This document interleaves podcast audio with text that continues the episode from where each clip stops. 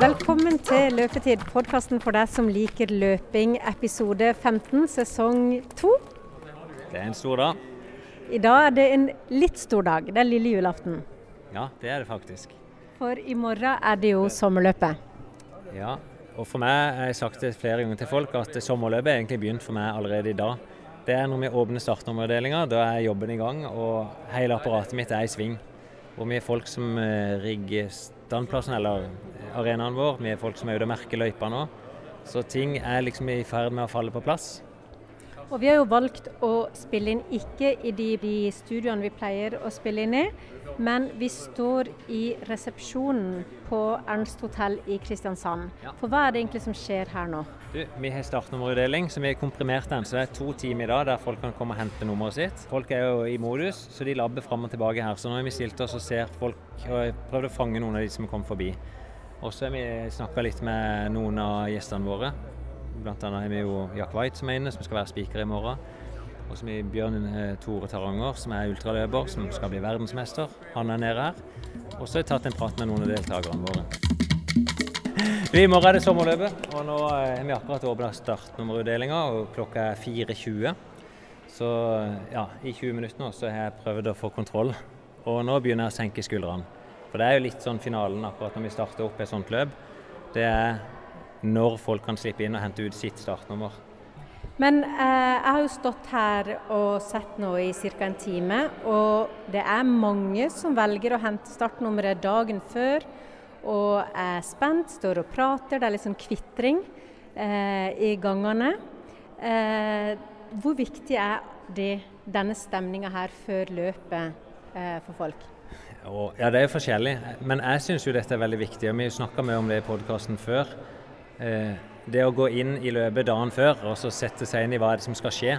Her er det jo sånn at de vil få eh, et informasjonsskriv.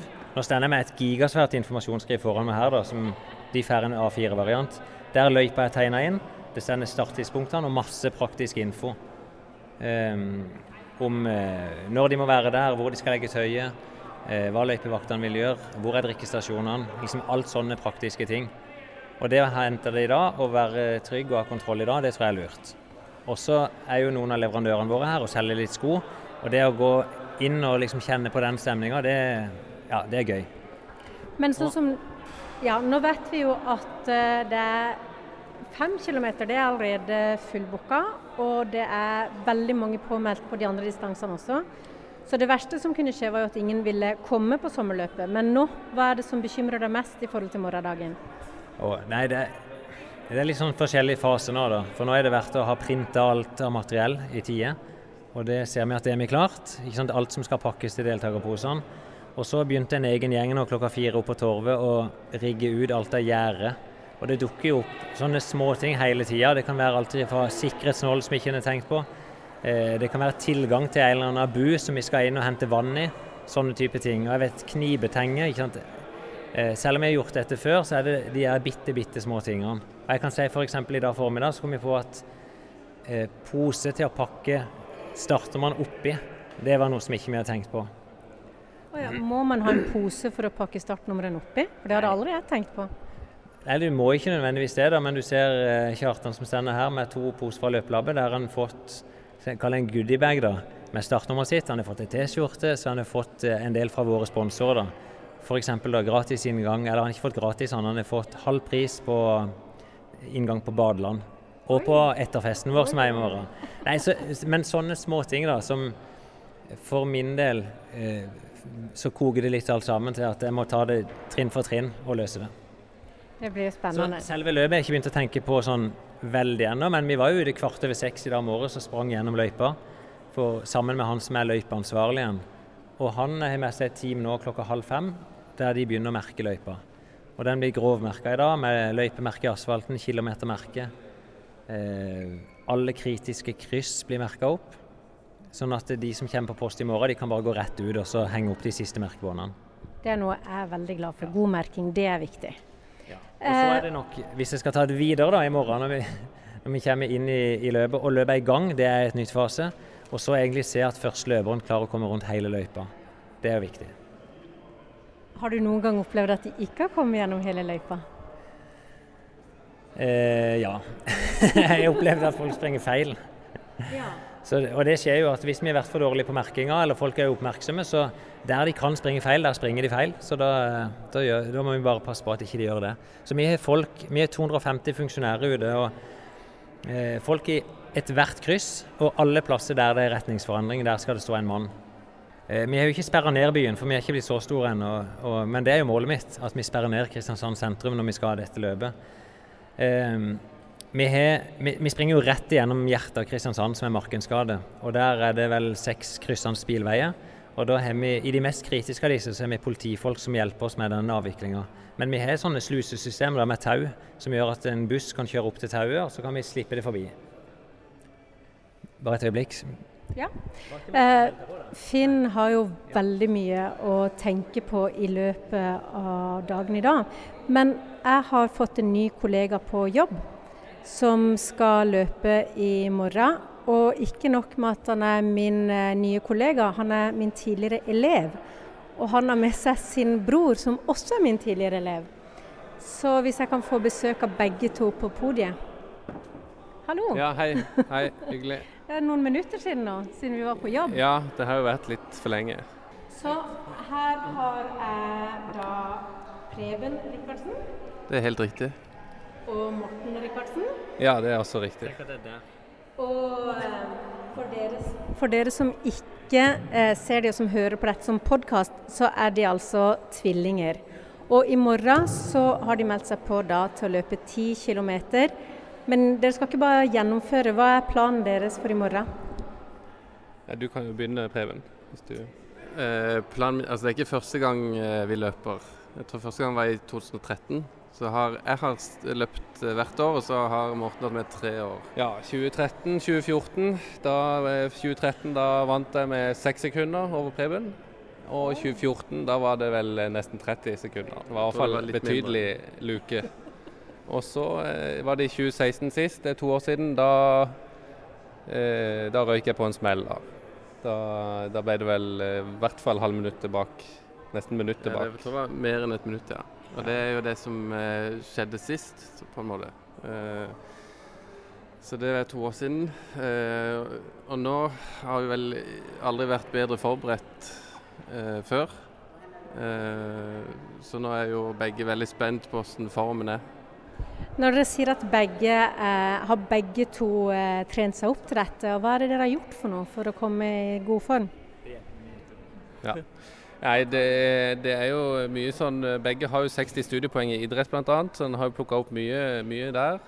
Eh, så det er jo basert på flere års erfaring også, på hvordan kroppen fungerer. Så det er jo bygd opp en formtopp nå i løpet av to, eh, de to siste månedene. da, Så har det vært mye, mye fokus på på forberedelser og, og løping. Ja, Du nevnte jo eh, sånn universitetsutdannelse. Jeg, jeg, kan jo nevne da at jeg fikk en, en A på en sånn treningsplanleggingsoppgave eh, som vi hadde. Eh, så, så, dette det er ikke bare at en liksom eh, lunter rundt i, i gatene her. på en måte. Du har gått inn i både det teoretiske og det praktiske for å slå din bror? Ja, så nøkkelen er å se litt hvordan trener de beste. Og jeg så en del på hvordan disse Ingebrigtsen-brødrene hadde trent. Jeg har henta mye inspirasjon derfra. Og eh, Ingebrigtsen-brødrene som inspirasjon, A på eksamen. Eh, hva er målet for i morgen ved siden av å slå din bror? Eh, nei, det er viktig å slå han. Og så eh, Persen min fra i fjor, den var 43-48. Så det har vært veldig gøy å ja, slå den. Kanskje se 42-tallet. Da tror jeg jeg blir fornøyd. Og du? Ja, min pers er jo 42-50. Eh, den er jo satt i Oslo, da, men det, det er jo en veldig hard løype, sentrumsløype, så den kan jo sammenlignes. Så jeg har jo en bedre pers. Så, det, så jeg vil jo Men jeg kan godt tenke meg å se 42-tallet igjen, da. Men det viktigste er egentlig å slå Preben. For det var litt Det var veldig tungt eh, for to år siden å tape for første gang. Så det vil jeg helst ikke at skal skje igjen. Og hvem av dere er storebror og lillebror i, eh, siden dere er tvillinger, da? Jeg er jo mest som han Jakob, hvis jeg skulle sammenligne med Ingebrigtsen-brødrene. Så jeg er ett minutt yngre enn uh, min bror, da. Som, Ja, så Preben er yngst, ja. Ja, Så det er noe Ja. som gjør deg kanskje litt stressa nå som eh, lillebrødrene er i vinden? Ja, det, det er jo det. Det er veldig Det er jo eh, Altså hvis jeg skulle tape igjen, så blir det vel Da blir det samling i bunn. Og så får, får vi bare se hva som skjer. Ja, men eh, jeg skal jo også løpe 10 km i morgen. Jeg har ikke noe tid om mål. Men Nei. hvis dere har lyst til å vente på meg i etter mål, så kan vi jo høre hvordan det har gått i morgen. Ja, det kan Eller du beregner å bruke ca. Ja, alt inn mellom én og to timer. Såpass konkret, ja. ja. Du har brukt sommeren godt? Du- Ja, men jeg tenker at hvis jeg må stoppe for det vil en buss forbi, eller Ja. jeg må møte noen og prate med på veien, så kan det ta litt lengre tid. Jeg har Ja. ikke noe tidspress på meg, for å si det sånn. Uansett så vil det første kvarteret, 20 minuttene, så vil det nok begge vi to ligger ganske sånn utslått i målområdet. Så jeg regner med det skal være mulig å få til. Ja, men da møtes vi der. Ja, Lykke til til begge to. Takk. takk. I like måte. Taftel, du sa du Hei, Lorfinn, sa du. Ja, nå, Lorfinn. nå stiller vi med ni stykker i år. Ja. Vi er da familien Fisk i form, som for halvannet år siden var veldig slappe. Så, vil, eh, så er vi mange ungdom i familien som liker å fiske. Og så foreslo vi at vi skulle stille i sommerløpet som familien Fisk i form, tidligere slappfisk. I, fjor var vi tolv, og i år er vi ni. Et par er datt av lasset av naturlige årsaker, men de kommer sterkere tilbake til neste år. Det hørtes jo veldig dramatisk ut da, å falle fra av naturlige årsaker. Fisk. litt brudd og litt små skader. Så, så vi stiller sterke. Kan jeg spørre hvilke løyper dere skal ta? Det er fem kilometer. Noen er superflinke til å springe, men eh, det, liksom, det skal være sosialt. Sånn at eh, alle Noen er gogger, noen går, og noen er supersprintere. Så det blir veldig forskjellige tider. Venter dere på hverandre i målområdet da etterpå? Ja, det gjør vi. Og felles middag på kvelden, og i det hele tatt litt boble før vi skal ut. Og Før? Ikke før vi skal løpe, før vi skal ut på kvelden. Ja. Men det blir gøy. Men da ses vi i morgen. Det gjør vi. Og lykke til til hele Tusen, familien. tusen takk. Ja, Finn. Eh, hvis eh, dere skal ut og markere løypa, Ja. og det er samme løypa som hvert år, er det ikke det? Ja, men det er alltid noen forskjell- eh, små forskjeller. Da. For vi, nå har vi flytta løypa fra det som heter Tresse, tilbake igjen på Torvet. Eh, og Da blir det noen justeringer. for da I fjor sprang vi i gata, og nå flytter vi lite grann. Eh, og så har vi vært ute i dag og justert. og Vi skal ha 95 meter som skal flyttes på. Ja. Og Det er ikke så, det kan jo høres lett ut å skaffe seg 95 meter, men du har jo ikke lyst for de som skal springe maraton, at de må springe fram og tilbake i en U-sving. Så det gjelder jo å finne noe som passer inn, og samtidig som flyter godt i løypa. da. Så ja, vi har løpt mye da for å finne akkurat den rette traseen, og det fant vi i dag morges. Rundt noe som heter Otterdalsparken, der vi har lagt på 95 meter. Ja, for det, det som er da at de som skal løpe lengre løp, de løper det samme som 10 km-løpet, bare flere ganger. Har jeg forstått det riktig? Ja, nå, nå det er jo ikke sikkert dette er lett for folk som hører på, da, men hvis det er det aller enkleste Vi har en 10 km trasé og en 5 km trasé. Og den lengste traseen da, på 10 km den er litt tøffere. Så vi prøver å unngå at maratonløperen springer i den. Så de springer åtte runder i den 5 km traseen, og så pluss litt. For maraton er 42,2. Mens de som springer halv maraton, de springer to runder i den lange traseen, pluss litt. 1,1. Pluss litt, liksom, ja. Og da er det sånn, så har vi jo i tillegg en fem kilometer. Da springer de bare én runde i den fem km, og ti kilometer springer én runde i ti km. ja. Og så er det barneløp. løp. Man kunne jo løpt to ganger rundt 5 km hvis den var lettere. To ganger rundt fem kilometer for å Nå 10 km. Ja, men så er det noe Jeg har lyst til å vise fram det beste fra byen. og Det handler ikke om å springe fort, men akkurat på et maraton, og vi skal ha et maraton i Kristiansand, det å springe fire ganger opp en av de verste bakkene i Kristiansand syns jeg blir for drøyt. Og så er det- noe med det òg at du, du samler jo Du får oftere publikum, da. Og i Markensgade i Kristiansand så er det jo mye publikum. Ja. Mm. Nei, for jeg så det at det var en bakke der som jeg ikke var helt forberedt på. Som jeg gruer meg litt til i morgen. Men jeg kan jo bare gå. Har du ikke vært rundt løypa? Nei. Nei. Nei, da skal du få deg en overraskelse. Eh, nå er det jo sånn, Vi kan gå gjennom løypa litt sånn eh, veldig grovt. Da blir det for de lokalkjente. For vi starter jo midt i Kristiansand sentrum. Og når jeg tenker meg om, jeg lurer på om vi har vært gjennom dette før på podkasten, men midt i Kristiansand sentrum på noe som heter Torvet. Svær samlingsplass, den er veldig flott. Masse kafeer og liv i den gata. Vi springer ned Markensgade mot sjøen. Så skal vi ut og se på noe som heter Kilden, som er et stort kulturhus. Der passerer vi én kilometer. Eh, gjennom fiskebrygga. Der det sitter, i hvert fall hvis det er litt fint vær, sitter masse folk der. Og så følger vi strandpromenaden på grus da, i en kilometer rett fram. Hele veien opp til forbi eh, festninga vår. Du kommer opp til noe som heter Akvarama, som er et stort badeland. Gjennom bystranda. Eh, det kan være utfordringer hvis det er finvær. Eh, på Akvarama kan det være utfordringer hvis det er regnvær, for da er det mye folk som skal inn. Og så springer vi ut rundt eh, noe som heter Tangen. Veldig flatt eh, og fint strekk, men der ser du utover hele sjøen. Du ser nesten til Danmark, eller hele innseilinga til Kristiansand. Eh, veldig vindutsatt, så der kan vi møte på litt vind i morgen. Eh, og så vender vi da inn i langs Otra, da, som er elva som kommer helt opp fra Hovden og så ned til gjennom Setesdalen ut i Kristiansand. Den følger vi nesten to kilometer helt flatt. Hallo, Finn. Hallo, mister.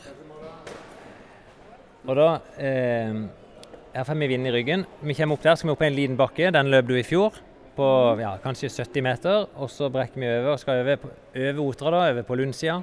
Inn på noe som heter Kjøyta park, der Telenor og Agder Energi de holder hus. Og da er det grusstrekk da, som er veldig flott, på en halvannen kilometer rundt Kjøyta park.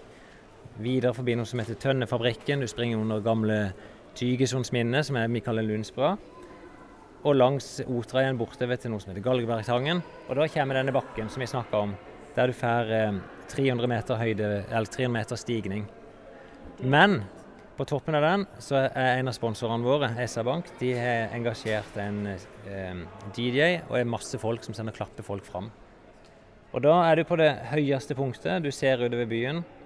Og da er fordelen nå, etter syv kilometer, er at det er nesten bare utfor igjen. Så da raser du ned Kuholmsveien ned til noe som lokalt heter Rundingen, Lundskorga pub. Der er sikkert du vanka mye. Og, så tilbake mot Lundsbra og rådhuset. Veldig flott, det gamle rådhuset i Kristiansand som er pussa opp. Der sitter folk på kafé. og Vi springer under Lundsbra igjen og over Lundsbra tilbake inn i det som vi kaller Kvadraturen. Indre fileten av Kristiansand.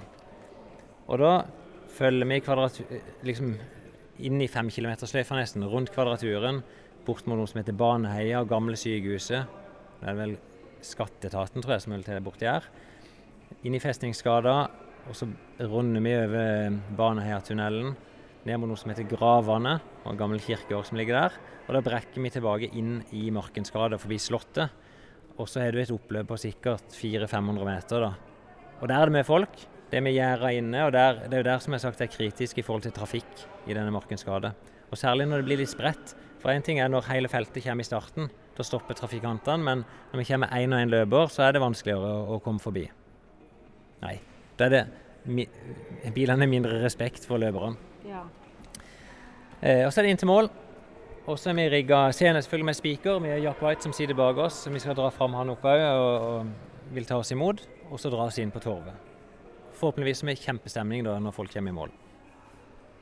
Eh, det er Det høres utrolig lett ut alltid når du forteller om sånne ting. ja. Så bare tenker jeg at eh, når i denne løypa vil jeg tenke at uh, dette skulle jeg aldri vært med på. Oi, ja, det har jeg ikke tenkt. Eh, Det, normalt det er ganske åpenbart. Starten vil alltid gå lett. Mm. Du er glad og fornøyd. Hvis du har hørt på rådene mine om å ikke starte for fort, så vil du ha det ganske behagelig hele veien de første fire-fem kilometerne. Så vi har løpt gjennom og testa med noen løpere.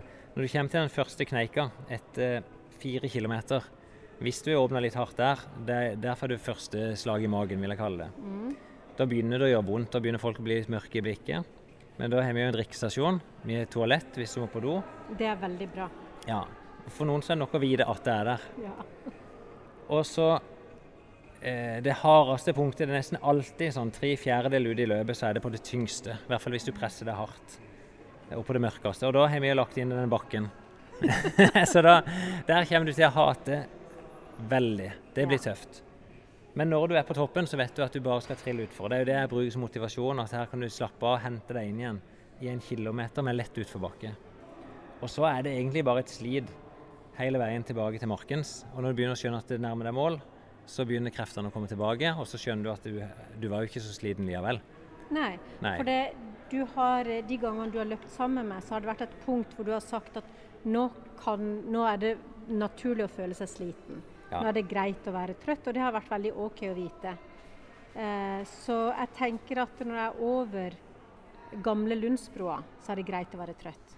Du- skal være sliten der, ikke Jeg sant? skal være sliten. Ja, og du skal være sliten etter 6-7 km. Da skal det gjøre Ja. vondt. Og jeg, jeg springer som fartsholder i morgen. Og du stender jo i antrekket mitt her, men Ja, det skal jeg fortelle litt om etterpå. eh, jeg pleier å se når folk Når vi passerer 1 km igjen til mål, da ser jeg at nå, folkens, nå må du ikke bare la beina rulle. Og da er det mange som springer fra meg. Men før det igjen, på Jeg pleier ofte på sånn åtte, så ser jeg at hvis du er, kjenner at det er kreft i beina nå, så må du òg bare gå. For hvis du kjenner at ikke det er så tungt, da har du kreft til å komme lett til mål. Ja. Men det er greit. Det er løypa. Jeg har jo løpt fem kilometer to ganger denne uka. Den første gangen begynte jeg for hardt. Ja.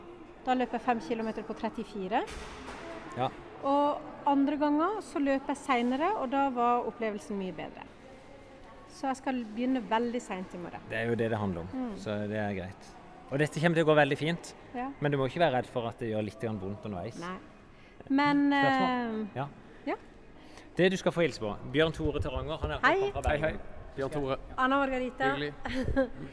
eh, jeg har bare skjønt at du skal løpe i 24 timer, stemmer det? Ikke her nede, men eh, det gjør jeg, jo. Det er en av mine, mine sterkeste sider, er å løpe 24 timer. Uten å spise, uten å drikke, Jo da, uten å du sove? Nei da, du spiser, men du sover ikke. Da vinner du ikke. Så eh, det, det er jo verdensmesterskap og europamesterskap og norgesmesterskap i å løpe 24 timer i ett strekk. Det høres jo ut som sånn der eh, dårlig spøk å skulle løpe i 24 timer. Ja, det, Men Hvordan kom du på å begynne med dette? nei, jeg fant fort ut at uh, maraton det var jo veldig artig å løpe maraton, men jeg trengte noe som var uh, en større utfordring, rett og slett. Men går dette under ultraløp, da? Det heter ultraløp, ja. Alt over 50 km er ultraløp. Eh, og hva skal du løpe på sommerløpet? Her skal jeg bare løpe 10 km, faktisk. Eh, og så skal jeg være harde på 5 km eh, til 25 minutter etterpå. Eh, grunnen til at jeg bare løper 10 km, er fordi at jeg skal løpe verdensmesterskap i 100 km 8.9. Så jeg får rett og slett ikke lov av treneren min å løpe lenger. Wow, og hvor er det dette går? Nei, da er det Kroatia, i eh, en by som heter Sveni Martin. Så det er det, det er det vi lader opp til nå. Det er veldig imponerende. Men sånn som eh, Hvis du er vant til å løpe i 24 timer, så regner jeg med at da må du begynne veldig, veldig rolig. Ja, altså du åpner, åpner du for hardt på 24 timer, så er jo løpet allerede ødelagt. Og det er ekstremt viktig å ta til seg næring med en gang. Så jeg, der, der er jo rundene veldig sjeldent at de er kort, eller lengre enn eh, 1500 meter. Når vi løp EM nå i uh, Timisoara i Romania tidligere i år, så var jo løypen 1280 meter lang.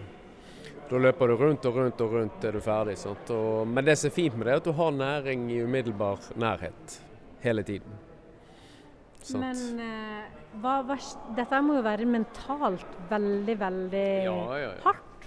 Det er jo det mentale spiller veldig stor rolle i 24 timers. Men det er klart, hvis ikke du er godt nok trent for all julingen og har løpt nok, så, så kommer du heller ikke til mål. Men det er klart det mentale betyr i hvert fall, hvert fall 80% Så Det er kanskje litt sånn rart, nå, litt rart spørsmål, men eh, hva, hvilke tanker gjør du? Hvilket tankespill har du mens du holder på? Har du noen sånne regler? Planlegger du noe? Hva, hva, hvordan opptar du hjernen for at beina dine skal gå i 24 timer? Nei, altså Før løpet så er det jo viktig å på en måte tenke at man skal faktisk holde på i 24 timer, sånn at, det, at du er fysisk og psykisk klar for det. Men idet starten går, så um, tenker jeg egentlig kun time for time. Men jeg har noen delmål hele veien, og etter tolv timer så får jeg lov å høre på min egen musikk. Så da har man noe å glede seg til. Og etter 16-17 timer så er det lov å eh, ta seg en uh, Klaus-taler. Å ja. uh, for det at du blir så lei av den uh, søtsmaken som alle sportsdrikker har. sånn. Så da får du noe beigst istedenfor. Og da er um, alkoholfritt øl veldig bra.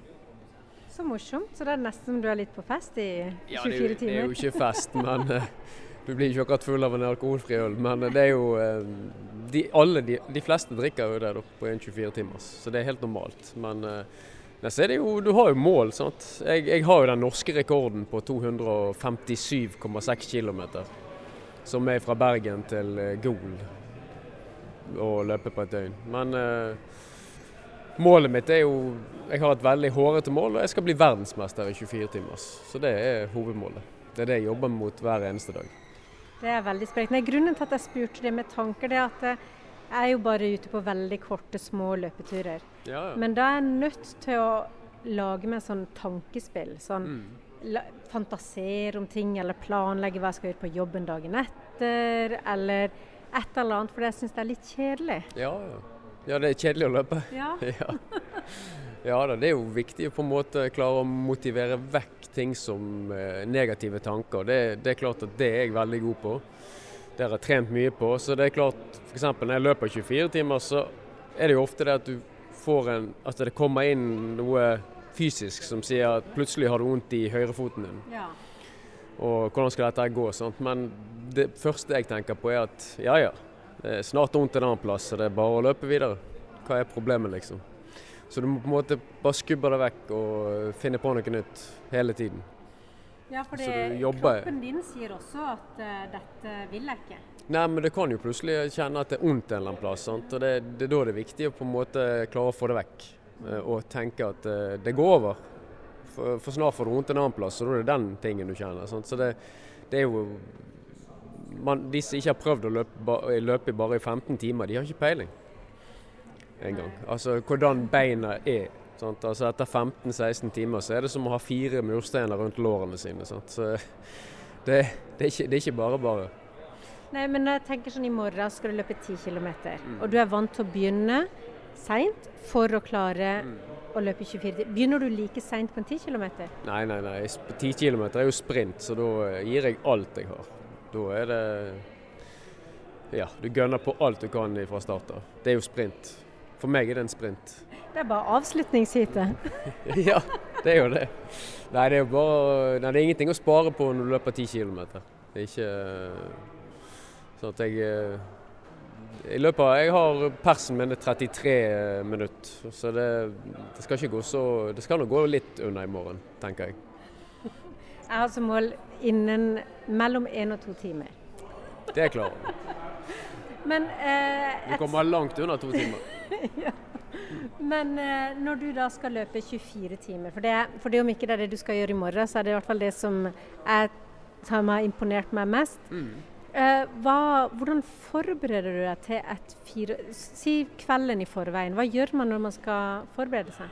Nei, altså Kvelden i forveien så er det jo eh, veldig lite trening i hvert fall. Men det er jo få i seg nok næring. altså Carboload, spise pasta, ris. eh, drikke nok. eh, Rett og slett sånn at tanken er helt full og at du har fylt opp alle lagrene dine. Men eh, det viktigste er jo på en måte å forberede seg mentalt. Og det, det gjør, gjør jeg ofte en hel måned i forveien. Jeg har jo eh, et sånt triks at jeg henger opp gule Post-It-lapper i hele huset som jeg ser hver dag. Og på den så står det f.eks. Eh, norgesmester, hvis jeg skal løpe NM. Sant? Norgesmesterskapet, så er jeg norgesmester før jeg har begynt. Og så står det kanskje et tall, og tallet er hvor langt jeg har tenkt å løpe. Og øh, det, det er på en måte ting som jeg ser i et, en måned i strekk. Så når jeg står på startstreken, så er jeg norgesmester før jeg har begynt. Oppi hodet. Nå prøver jeg å se for meg hvordan din leilighet ser ut. Ja, det, det er en enebolig, da. Så han, øh, Med Post-It-lapper. I hele huset, ja. Så det, det blir en del. Men i hvert fall så Jeg vet ikke om jeg skal ønske deg lykke til i morgen, men du trenger jo lykke til for det er bare 10 km. Ja, ja. Det er jo øh, det er jo beinhardt å løpe 10 km, for det er jo, øh, da er jo både dine indre organer på vei ut av kjeften, sant? for du gir jo alt du har. Det er jo ingen pust igjen. Så, Den kjenner jeg igjen. Akkurat den. kjenner så, og det er det for alle, uansett hva nivå du er på. Ja. Så, for ellers har ikke du tatt nok i. Nei. Lykke til i morgen, og enda mer lykke til i Kroatia. Tusen takk. Ja, er du på plass i hvert fall. Ja, 24 timer. Har du noen gang løpt? Nei, du vil Eh. jo ikke melde deg på ultra. maraton, ikke? Det lengste jeg løpte er vel maraton som løping. Jeg ser jo alltid jeg har vært i Forsvaret, gått uh, ei uke på marsj. Det må være bra nok. Men Jack som er med oss, han har jo kommentert 24 timers løp på tredemølle.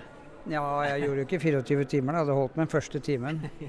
Men eh, det er litt eh, dårligere prestasjon å løpe 24 timer. Men eh, jeg så det på da. Var innom eh, Det var en, en eh, jente, dame, som løp eh, 24 timer, prøvde seg sette verdensrekord. Therese Falk på 24 timer mølleløping her i tidlig på Ja, det var 5. juli, tror jeg det var.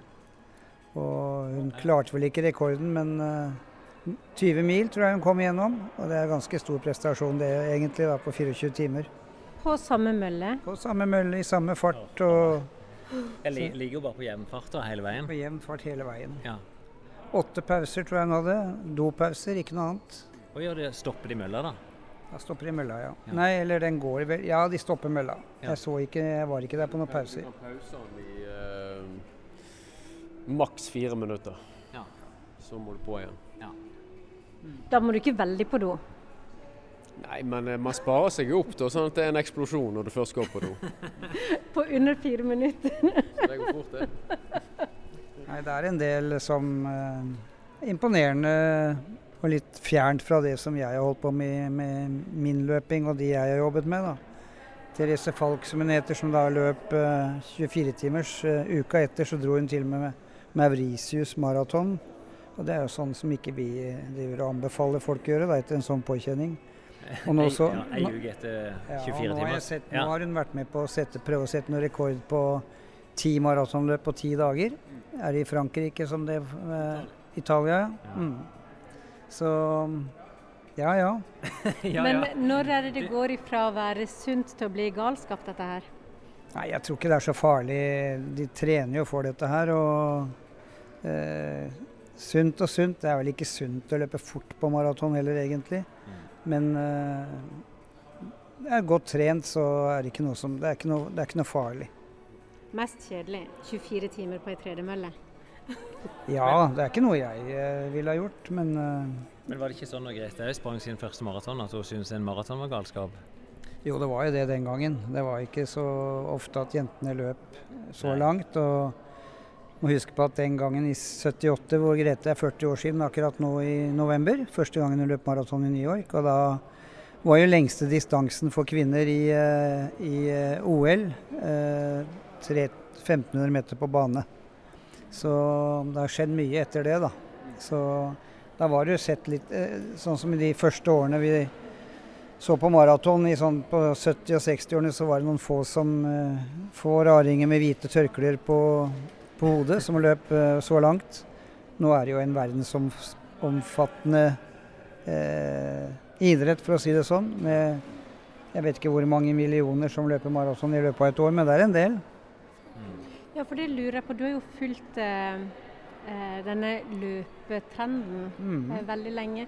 Hva er den, den største forandringa du har sett fra da du begynte eh, å jobbe profesjonelt med løping til i dag?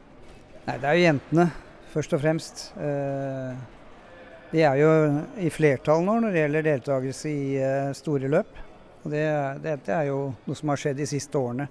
Så jeg tror den eksplosjonen at jentene fikk lov å løpe lenger og jeg såpass eh, Kan vel kanskje være såpass ærlig å si at jeg tror at eh, det som Grete gjorde, var med på å, å flytte en del barrierer. Og også skape oppmerksomhet på dette med kvinneløping. Så fremdeles er det ikke like mange jenter som løper maraton som, eh, som gutta, men eh, i alle andre distanser så er det i hvert fall 50% nå i de, mange av de store løpene. Eh, og et sånn et arrangement som sommerløp, nå har jo du vært med flere år, og du har fulgt eh, den jobben som Finn gjør med sommerløpet. Hva har det å si for løpinteressen i Norge? Veldig mye. Det er klart at uh, uten disse løpene så tror jeg det er eh, mange som eh, går glipp av noe. For at vi mennesker vi er jo eh, skapt slik at vi, vi trenger å ha noe å sette og ha mål. Og nettopp et sånt løp som dette kan være mål for veldig mange. Eh, så jeg tror det betyr veldig mye. Og så er det morsomme arrangementer. Jeg tror det at når de først har fått smaken på disse arrangementene, så vil de gjerne være med igjen. Så Finn har gjort en, og hans organisasjon har gjort en kjempejobb her i Kristiansand. Mm. Så du skal jo være spiker i morgen. Så du skal jo eh, fortelle litt underveis, og du skal ønske folk velkommen i mål. Eh, hva er på en måte ditt fokus? Hva prøver du å fortelle, formidle? Nei, Vi må jo prøve å formidle litt av stemningen. Og så er det jo viktig at de får oppmerksomhet, de som, eh, de som løper. Så er jeg jo så heldig at jeg har en eh, for å si det sånn, en hovedspiker som er lokal, og han kjenner jo de fleste som løper, eller veldig mange, og det syns jeg er kjempemorsomt. Så de får fin oppmerksomhet. og Så får jeg prøve å komme med noen faglige innspill, og prøve å gi noen råd kanskje til de som skal løpe, sånn at de ikke nødvendigvis gjør alle tabber. For det, det er fort gjort. Som å begynne for hardt og sånn. Nemlig. Men Finn har jo hatt en tradisjon for å alltid kle seg ut i noe. Og i dag skulle han ha på seg en dobbel T-skjorte som han skulle prøve på meg. Han sier det som et skudd. Ja. og eh, jeg syns vel Jeg vet ikke hvem som skal være på den andre delen av dobbelt-T-skjorta di, men jeg syns veldig synd på den personen. For du hadde han på deg i tre minutter, og han var helsvett på de sider. Oh, ja, sånn. ja, takk. Jeg blir jo svett. Eh, nei, det er en som heter Bjørn Erik Normann. og jeg, Vi har aldri løpt i sånn par før, jeg vet ikke hvordan det vil funke. Men jeg, jeg, tror det blir gøy, da. Jeg tror det blir gøy å se oss i dette paret. Og så kommer vi til å ha på en parykk og en sånn flosshatt. Så, og det, det, var egentlig noe jeg begynte med allerede første året, at vi prøver å senke terskelen litt.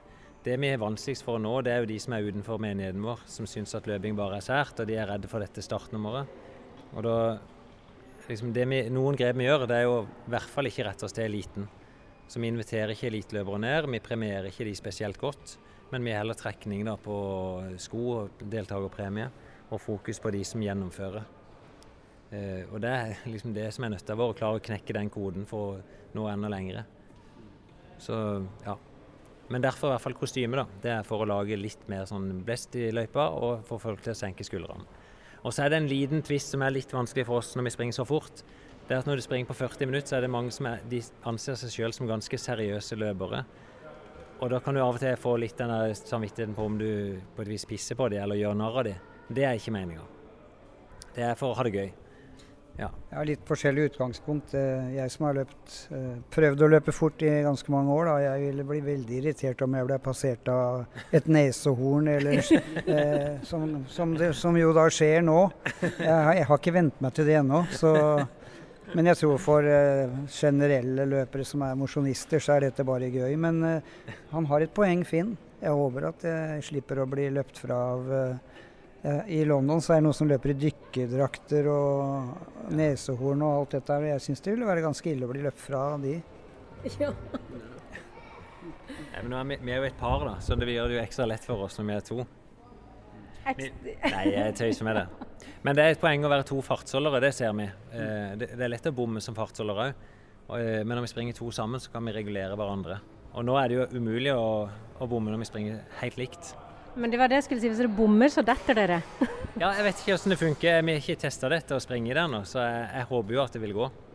Det krever nok litt uh, at man er ganske årvåken og nøye. Ja. Og jeg har vært ledsager for uh, for blinde løpere noen ganger. Og det er ganske mange ting du må være obs på når du gjør sånt. For det, det, er fort gjort å glemme seg, og så komme borti beina til hverandre, og så gå over ende. Så eh, kanskje vi skal ha vedde om eh, Finn kommer i mål med T-skjorta på seg, eller om han tar den av seg på veien? Den skal ikke ha det. Vi kommer fint i mål. Men det jeg tenkte, du sa du hadde noen løpetips eh, i morgen. Kunne ikke du røpe noen av de tipsene, Jack? Hva er det du pleier å si til folk? Ja, Det kommer jo litt an på hva de skal ut på, da. Så ja. De som skal ut på å løpe maraton, de skal jo løpe klokken ti, så vidt jeg husker. Ja, ja, de så de må jo For det første må de få i seg litt næring. Ikke altfor mye, men de må i hvert fall tidlig opp i morgen og kanskje spise, etter min mening, senest to til to og en halv time før de skal løpe. Og så er det jo det som vi ikke kan innprente nok, da, at de må være forsiktige i åpningen. Så de ikke brenner opp kruttet, rett og slett. At de brenner opp eh, karbohydrater og sånn for tidlig i løpssammenheng, og da får de trøbbel på slutten.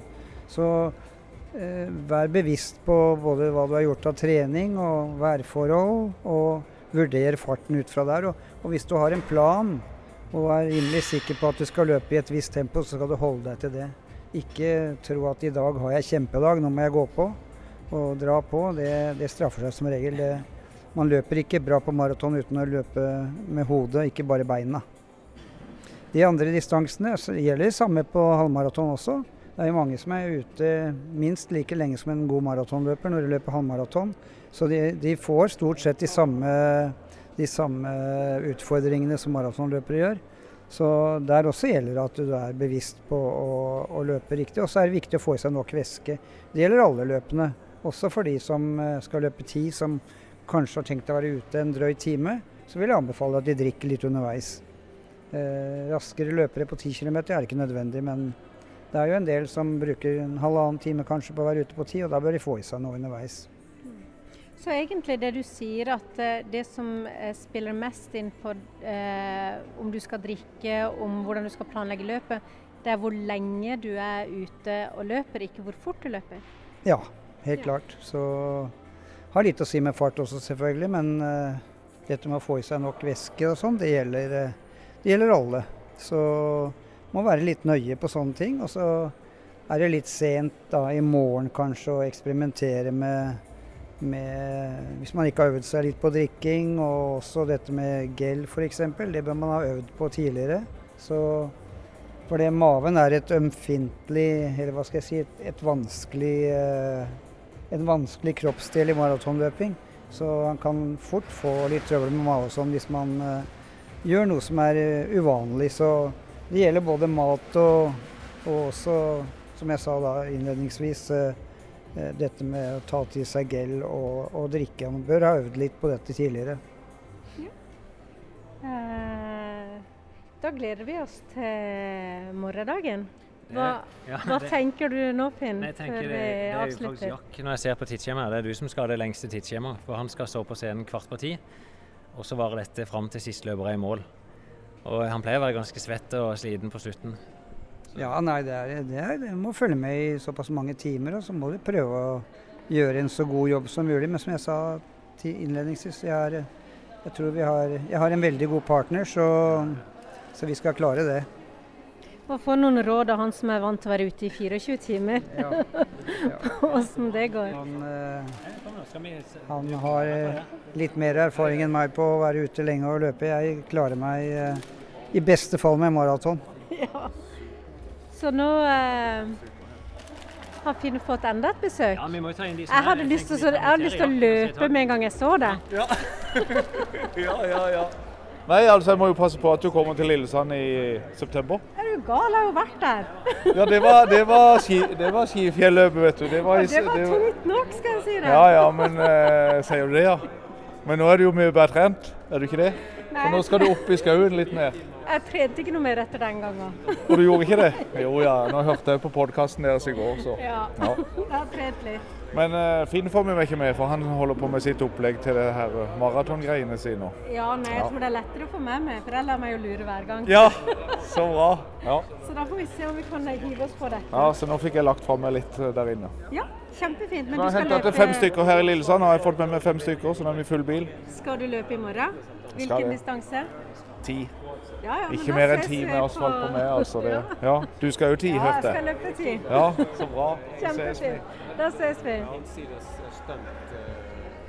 Ja, nå begynner det å fylles opp her av folk som henter eh, eh, posen sin med startnummer og T-skjorte.